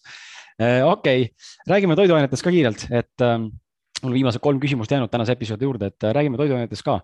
võtame arvesse selle, et kui on taimetoitleja nagu mina, vegan ja, ja samal ka segatoiduline, milliseid toiduaineid tuleks eelistada sinu arvates äh, ma tean, kuna sa oled palju Instagramis ja tegelikult sotsiaalmeedia vahendusel üldse jaganud seda toidumaailma teemat ka, et mis valgud on võib-olla taimetoitlastele paremad, mis on paremad võib-olla segatoidulistele, eks ole, mis on parem, mis on kehvem ja nii edasi. milliseid toiduaineid tuleks eelistada, kui sa võtad siis arvesse just nimelt jälle kaalus juurdevõtmise ja, ja kaalus, kaalu langetamise nii segatoidulisena kui ka siis näiteks taimetoitlasena mm -hmm.? noh, nagu ma ütlesin enne, et see toidu või makrote poole pealt kõige tähtsam on siis äh, proteiin ja valk. Segatoidulise poole pealt on see nagu üpris lihtne, et äh, tarbid nagu mingisugust loomset äh, proteiini, liha, kana, kala, munad, kohupiim ja mis siuksed asjad, need nagu päris rohked, rohke proteiinisisaldusega. taimetoidulisel, taimetoidulisel on see natukene raskem aga ikkagi võimalik, et on, on päris palju siukseid nagu kõrgema proteiiniga taimetoite, äh, oad, läätsed äh, ja on kõigest mingid äh, tofu ja siuksed asjad, mis on ka kõrgema proteiiniga. üks nagu see erinevus nagu siis taimetoidulise proteiini ja loomse proteiini vahel on see, et loomne proteiin on siis nagu siis terviklik proteiin, et seal on kõik need hädavajalikud aminohapped sees, aga taimetoidulisel proteiinil ei ole need kõik olemas, et seal jääb nagu, nagu puudulikuks ähm, kui sa nagu siis seda rohkem, on võimalik nagu saavutada sama efekt valgusünteesis, aga sa pead siis natukene rohkem seda taimset proteiini tarbima. et äh, kui sa jah, taimse toidu peal oled, siis sa pead ise seda tegelikult natukene rohkemat seda äh, valguprotsenti tarbima. ja üks nagu lihtne viis ka selle nagu siis selle probleemi lahendamiseks on ka mingisuguse taimse proteiinipulbri tarvitamine, et seal pulbris on siis kõrge valgusisaldus ja on ka siis lisatud juurde kõik need äh, aminohapped, mis on vajalikud et see on nagu lihtsalt üks kerge viis, ma arvan, nagu siis äh, toidulisandina kasutada. Ähm, ja see kindlasti nagu annaks siis nagu tulemusi juurde. kuskilt, äh, segan korra vahele, kuskilt jäi meelde, sa minu meelest mingis episoodis mainisid sa kuskil, et kui taimetoitlane näiteks, et kui rääkida taimsetest valkudest, siis taimse valguga näiteks riisi koos süüa, siis riis annab äh, toetab seda täisamiinoprofiili saamist nii-öelda nagu imendumist või tekitamist paremini, kas see vastab ainult taimetoidu, taimse valgu puhul või see riis on ka mingi beneficial nagu vorm ka ütleme segatoiduliste juures, kui tarbida koos valguga äh,? miks just, miks just riis? otseselt mitte, et no riis ise, seal nagu väga palju valku ei ole, et äh, seal on äh, rohkem süsivesikuid äh,. süsivesikud äh,, nad äh, ei,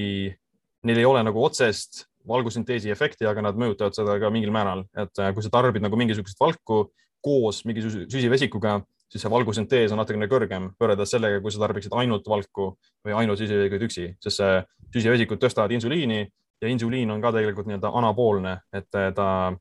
soodustab seda valgusünteesi ja aitab lihasmassile kaasa sellega, et ta stimuleerib neid äh, lihasmassi kasvatamise mehhanisme. Mm, et see jah, kui sa ütleme, kui sa tarbid valku koos süsivesikutega, kas riis või kartul või midagi, siis see valgusüntees oleks natukene kõrgem. aga kui sa tarbid nagu mingil määral, kui sa tarbid ainult valku või ei tarbi süsivesikuid sellega koos, siis on ikkagi võimalik sedasama efekt saavutada, aga siis sa pead natukene rohkem seda valku sööma. okei okay., äh, aga kuidas, räägime korra sellest äh, jälle see on üks niisugune müüt, eks ole, võib-olla mingil määral, võib-olla ei ole ka, võib-olla see on jälle individuaalne lähenemine, individuaalne praktika ja kogemus. Äh, aga teatavasti pärast äh, rasket trenni või jõutrenni tegelikult ikkagi äh, väga paljud soovitavad saada kohe, on ju, mingit valgupulbrit või mingit shake'i või mingit konkreetset, äh, ma ei tea, madala veresuhkru puhul siis mingit snäkki või mingit batooni, on ju et muidu hakkab nii-öelda siis justkui eriti kui sa fast'id ka veel on ju, hakkab siis lihase nii-öelda nagu närvumine või justkui söömine on ju, et ma ei tea, mis ta siis sõna on, katabolism või ma ei tea, kuidas öeldakse, aga et, et kas see nagu vastab tõele või, või on seal siis vaja peale trenni kohe endale sisse laksida või, või, või tegelikult peaks just olema optimaalselt mingi niisugune aken, kus sa peale trenni tegelikult ei söö nii ühtegi asja sisse, ei proteiini ega süskert või midagi muud. et siis noh, toimuks midagi muud meie kehas, mis tegelikult on vajalik või mitte hädavajalik mm. -hmm no see sõltub jah, et mida sa enne trenni tegid, et kui sa teed trenni paastuseisundis ilma midagi söömata, siis oleks jah, võib-olla nagu targem saada võimalikult kiiresti midagi valgur, valgurikast ja mis oleks siis ka kiiresti äh, imanduv, et nagu hakata sööma mingi ube või äh, kana kohe peale jõutreeningut, et nagu sellel ei ole alles nagu väga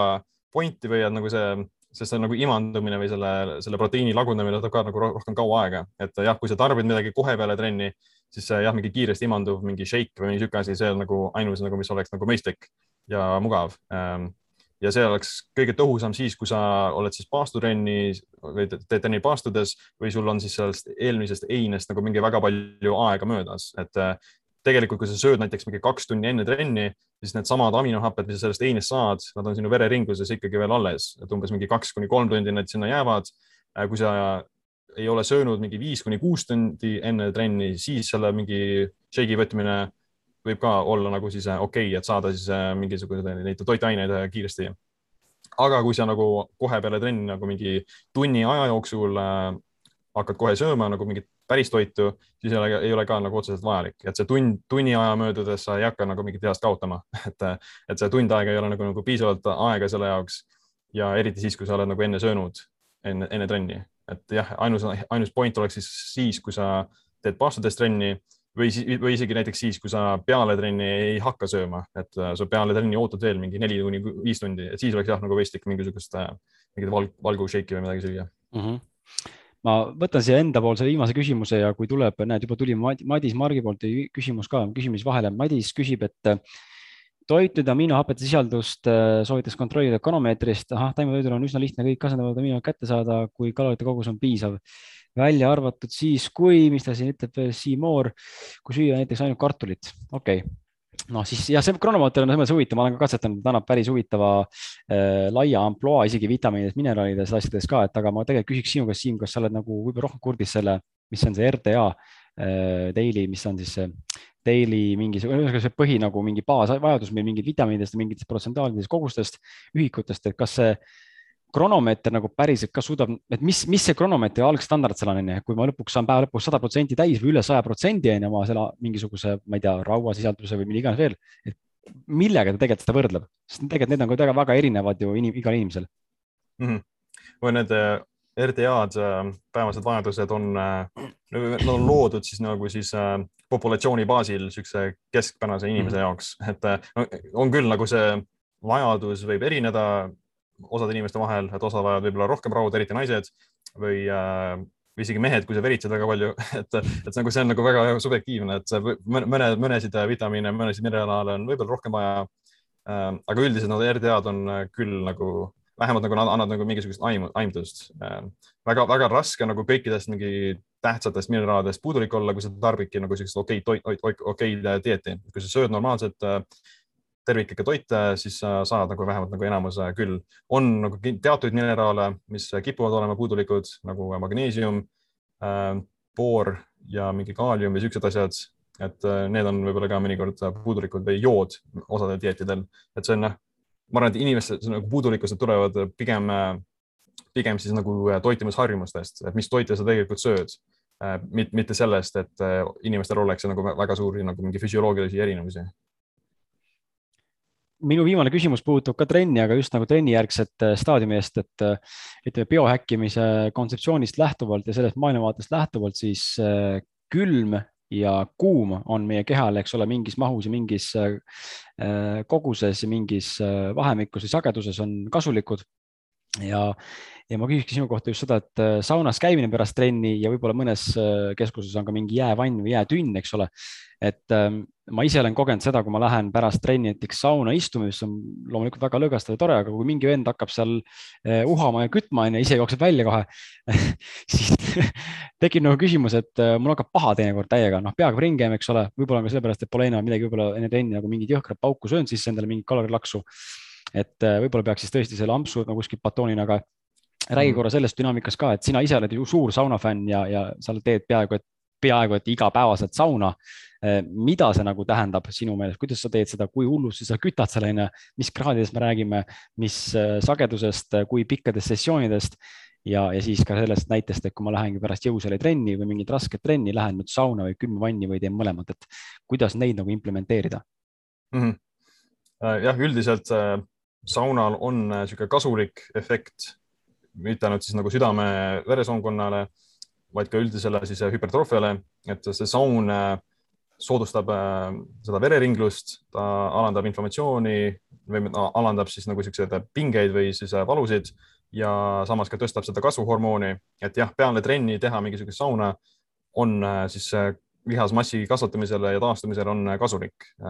kui palju, kui kuum see peab olema, et vähemalt nagu uuringutes minimaalne efektiivne doos on umbes seitsekümmend kraadi, seitsekümmend, kaheksakümmend kraadi on nagu täitsa piisav ja mingi viisteist minutit, see on juba täitsa okei. okay. et see kasvuhormoon jah, hakkab tõusma umbes viieteist minuti jooksul või kümne minuti jooksul umbes nii. Äh, kas, kas sada kraadi on nagu kasulikum, et see on küll, seda on küll nähtud, et kui sa teed seda rohkem, et mida rohkem kuumust ja mida kauem teed, et siis see kasvuhormoon tõuseb ka äh, rohkem, aga ütleme, nagu see ei ole nagu otseselt vajalik, et äh, sa ei pea nagu seda tegema nagu nii palju, et see jah, see võib, võib-olla annab mingi paar protsenti nagu siis tulemusi juurde, aga see ei ole nagu siis see kõige suurem kivi, mida, mida liigutada. et jah, kui sa teed mingi natukene mingi kümme minti, viisteist minti, seitsekümmend, kaheksakümmend kraadi juures, siis see on nagu täitsa piisav. üheksakümmend kraadi on ka okei okay. ja ja ütleme, see külma poole pealt, külma poole pealt on tegelikult nii, et see külm ei ole nagu peale trenni, ei ole nagu tegelikult äh, kasulik äh, hüpertroofiale, et see külm siis alandab seda inflammatsiooni ja seda põletikku, mis sa trenni jooksul tekitad, et sa lõhud oma lihased mingil määral, äh, kahjustad neid ja see on ka tegelikult sihuke signaal, üks suurimaid signaale sellele adaptatsiooniks, et see, see kahjustus, see inflammatsioon, see põletik, see ongi siis mingil määral kasulik selles hetkes, sul on vaja seda siis adaptatsiooniks ja kui sa seda külma, külmaga selle inflammatsiooni ära kustutad, siis su äh, keha ei saa seda nii-öelda siis äh, adaptatsioonisignaali. Ja uuringud jah, on näidanud, et vähemalt no see külma poole pealt, et sa ei tohiks nagu teha mingit külmavanni mingi kümme minti, et see nagu siis lõpetaks selle, selle lihase sünteesi või valgusünteesi üsna, üsna kiirelt ära. ja su tulemused oleksid natuke halvemad, aga kui sa teed mingisuguse, ma ei tea, kolmkümmend sekki või kümme sekki mingit külma duši, see nagu ei tohiks nagu ka probleem olla, et see on nagu nii väike, et nii, nii väike kogus, aga kui sa teed seda mingi jah, kümme minutit, siis äh, võib-olla nagu siis tulemused ei oleks nagu nii äh, head võrreldes sellega, kui sa teeksid ainult, ainult seda sauna. ehk siis sisuliselt saab saun, sauna pigem praegusest kontseptsioonist rääkides äh, või räägituna saab sauna kasutada siis pärast jõusaali kümne-viieteist minutiliste või minutilise sellise väikse sutsuna saab kasutada kasvuhormooni suurendamiseks ja nii-öelda siis trenni, trenni ma ei teagi, trenni tulemuslikkuse või trenni soorituse justkui väikse protsendi võimendamiseks mm. -hmm. jah, et see aitab ka siis nagu äh, kuuma talutuvust tõsta, mingil määral nagu aitab taastuda ka, et nagu löögastad seal, löögastud ja siis äh, vähendad mingeid äh, liigesevalusid äh,. ja siis see kasvuhormoni jah, protsendi pealt, ma ei oska nagu täpselt öelda, kui palju see annaks, aga jah, nagu see nagu siis soodustab seda taastumist. Ja nagu see üks põhjus, miks see nagu külm seda takistab, on sellepärast, see aeglustab ka siis kõiki neid äh, vereringlust ja aeglustab neid äh, toitainete saabumist sinna lihasesse, aga samas see kuum soodustab seda, et see vereringlus parandab, paraneb ja siis need toitained on võimalikud ka siis lihasesse paremini saada mm. -hmm. et ehk isegi kui see sauna osakaal seal protsent, protsentuaalselt on nagu olematu protsent, siis tegelikult niimoodi kogu aeg järjepidevalt aastaid näiteks tehes, kui sa oled aktiivselt treenija, siis tegelikult ikkagi mängib olulist rolli akumuleerudes ikkagi sinu mhm. arengus mm.. no ütleme, on ka jah, on ka hetki, mil see külma kasutamine oleks nagu parem, et kui sa oledki näiteks atleet või sul on nagu hästi palju sihuke hästi kõrge ja hästi tiheda intensiivsusega treeningkava et iga päev teed trenni, mingi Crossfit või mingi sihuke asi, et siis on võib-olla jah kasulik seda külma teha või, või oleneb ka, mis, mis tüüpi trenni sa teed. et kui su, kui sa teed nagu hüpertroofia trenni ja sa just tahad nagu lihasmassi kasvatada, siis ei oleks nagu kasulik seda külma teha peale trenni. kui sa teed niisugust trenni, kus sa mingit aeroobset treeningut teed või sihuke Crossfit hit style treeningut või mingil määral ka siis powerlifting, et kui sa keskendud ainult lihasjõule, mitte siis lihasmassile, siis on ka nagu see külm nagu mingil määral okei okay,, et see vähend, selle, selle mõju küll, selle mõju äh, on äh, väiksem. Äh, aga jah, kui sa teed seda hüpertroofiat otseselt, siis on see külm nagu kahjulikum mm. -hmm. Ats küsib siin juurde veel, et külma ja kuumaga seoses siis saun ja külm dušš näiteks või muud sellist, et siin küsimus selline, et kui näiteks oled ikkagi esi, keskmisest suuremal koormusel siis kohe pärast treeningut, kas külm dušš on mõistlik, sama küsimus kui saunale, sest äh, treeninguga on saanud ju närvisüsteem päris hea koormuse ning kohe sellele uut laksu anda, kas on mõistlik, ehk siis ka äkki ajastada parem sauna, külma dušš, äh, külma tiba eraldi mm -hmm.? noh äh, ja no selle sauna poole pealt see tegelikult soodustab seda taastumist. Ähm, et see ja samad need põhjused, see kasvuhormoon ja vereringlus ja vähem siis äh, väiksem siis trauma trauma kasutamine ja on nagu need, on erinevad ka siis molekulid, mis tõusevad selle selle kuuma tulemusena, et need kuumašoki proteiinid äh, tõusevad selle kuuma kogemusel ja see, need aitavad siis ka parandada neid äh, erinevaid äh, halvasti volditud proteiine on nagu eestikeelne nimetus. Need ongi siuksed nagu stressimolekulid, mis siis seal ringlevad ja see kuumašoki proteiinid aitavad neid ära parandada, et see on nagu taastumise poole pealt on see tegelikult jah, kasulik. külma poole pealt, et külm, külm nagu külma saab kasutada ka nagu siis taastumiseks, aga mitte siis sellel trenni järgselt, et kui sa teeksid nagu enne trenni mingi hommikul külma duši või mingit külma vanni, siis on hea, et see tegelikult alandab ka nagu neid inflammatsiooni, alandab kõiki nagu neid liigesevaluseid ja on nagu mingil määral kasulik, aga see nagu, millal sa teed seda, et äh, külma, kui sa teed külma, siis teha siis ainult puhkepäevadel äh, peale kardiotreeningut, peale mingit Crossfiti äh, või siis enne treeningut hommikupoole ja peale trenni, peale jõutreeningut, hüpertroofiatreeningut oleks kasulik teha siis ähm, sauna ainult mm. -hmm küsin ikkagi viimase küsimuse, Siim, sult alguses mõtlesin, et ei küsi seda, küsin ikkagi. kui me räägime nüüd sellest, et, et millal tuleks implementeerida oma toidumenüüsse ja ütleme siis treeningu toetamisse näiteks valgupulbrid, massilisajad, ma ei tea, mis iganes need shake'id, võib-olla ka mingit kreatiini või mingeid muid toidulisandeid või mingeid vitamiine et kas enne tuleks saada regulaarne trenn ja toitumine nii-öelda optimaalseks või võib mõnda asja juba või siis kõiki hakata kohe samal ajal paralleelselt või isegi nii-öelda enne juba seda eh, enda ellu nagu siis implementeerida mm? -hmm. no üks kõige suurem, suurim põhjus, miks nagu valgupulbreid tarbida, oleks see, et eh, sa ei saa siis päris toidust eh, piisavalt valku või siis on mingi, ütleme, mugavuse tõttu teed seda, et sul ei ole siis nagu juurdepääsu päris heinele, siis on see kõige lihtsam äh, hea variant.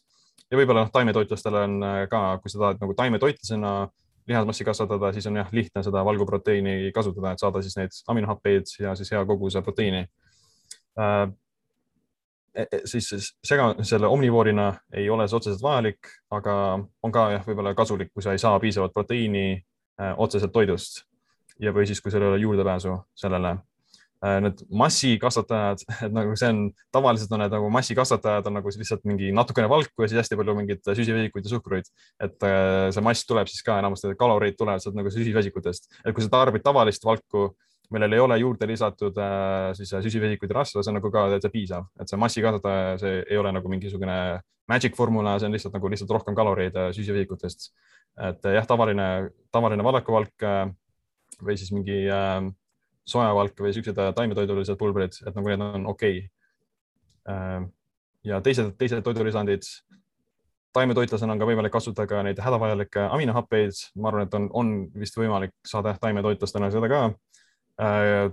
omnivoorina on ka need hädavajalikud aminohapped, aga see vadakuvalgus on näiteks need ole, juba olemas mm, -hmm. et äh, siis ei ole nagu otseselt vaja. Need BCA-d äh,, ahel, aheldatud aminohapped need ei ole, vähemalt nagu nad ei ole nagu eriti tõhusad, kui sa saad piisavalt proteiini juba. et need äh, hädavajalikud aminohapped, neis on nagu rohkem nagu neid, sa saad kõik need hädavajalikud aminohapped sealt kätte, aga nendes BCA-des on ainult siis äh, kolm tükki, mida nagu võivad stimuleerida seda valgusünteesi natukene, aga siis on ka mingil määral puudulikud ja nad ei ole nagu eriti tõhusad. Äh, kreatiin, kreatiin on küll niisugune Äh, toidulisand, mis on hästi uuritud ja on näidanud, et aitab siis sooritusele kaasa ja lihasmassi kasvatamisele ka kaasa. Äh, pluss nagu teised, teised eelised. Äh, jah, ma arvan, et seda nagu kreatiini saab küll päris toidust ka, aga selleks sa pead siis nagu hästi palju mingit punast liha sööma, mis nagu enamus inimesi ei tee ja jah, see nagu kogused oleks ka nagu päris suured, et lihtsalt võtta mingi kolm kuni viis grammi kreatiini on, see on nagu esiteks on ka väga, väga odav väga tõhus, väga hästi uuritud, väga ohutu. ei ole nagu mingisuguseid no siis äh, kahjutegureid. ainus asi on küll see, et kreatiinil on see, et kui sul on juukselange, langetusele siis geenid, noh, halvad juuksigeenid, siis äh, see kreatiin võib seda soodustada, et sa hakkad nagu rohkem juukseid kaotama, et, et siis see on nagu jah, osadel inimestel ei ole see nagu see kasulik siis või ei, ei ole soovitav. Mm, on, ma arvan, on vist mingid taimetoidulised kreatiinid ka, ma ei ole vist nagu päriselt otseselt uurinud mm, -hmm. aga ma arvan, et kindlasti on nii et mina võin äh, kreatiini võtta, mul ei ole kuskile neid enam kaotada eh,. okei okay,, kuule, väga lahe, äh, tund kakskümmend neli sai täis ma annan siin veel ühe minuti maksimaalset aega küsida mõni küsimus juurde siit ja siis ma tõmban selle otsa kokku ära, et äh, saime läbi käidud tegelikult päris palju küsimusi, ligi kakskümmend tükki isegi vist. järgmine episood on meil juba reede kell kaks, sama kell äh,. Samuti siin Facebooki leheküljel ja seal siis räägime sisuliselt sarnastest asjadest nagu täna, aga läbi naiste perspektiivi, nii et kui sa oled naisterahvas, kes meid täna siin kuulas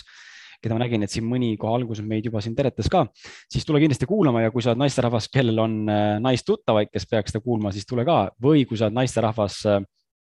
tähendab, kui sa oled meesterahvas, kellel on kodus naine, siis äh, kindlasti tule, tule suuna siia, et saame ka seda natuke rääkida, kuidas naised oma siis kaalu langetada võiksid, äh, kuidas jõuda bikiini fitnessi, eks ole, saada nagu nii-öelda siis tooni oma keha äh, või trimmi. Ja, ja räägime nendest erisustest ka, sest natuke on mehed-naised erinevad küll, küll nagu ma aru saan, mitte nagu hullu kardinaalselt, aga mingites mahtudes. Ähm, ma ei tea, tundub, et ei tule küsimusi. ma väga tänan sind, Siim, väga äge oli kuulata. Äh, palju infot, äh, ma annan endast parima, et see tuleks nüüd siin lähipäevil välja. Ja siis juba näemegi reedel, ega midagi. aitäh sulle, tšau.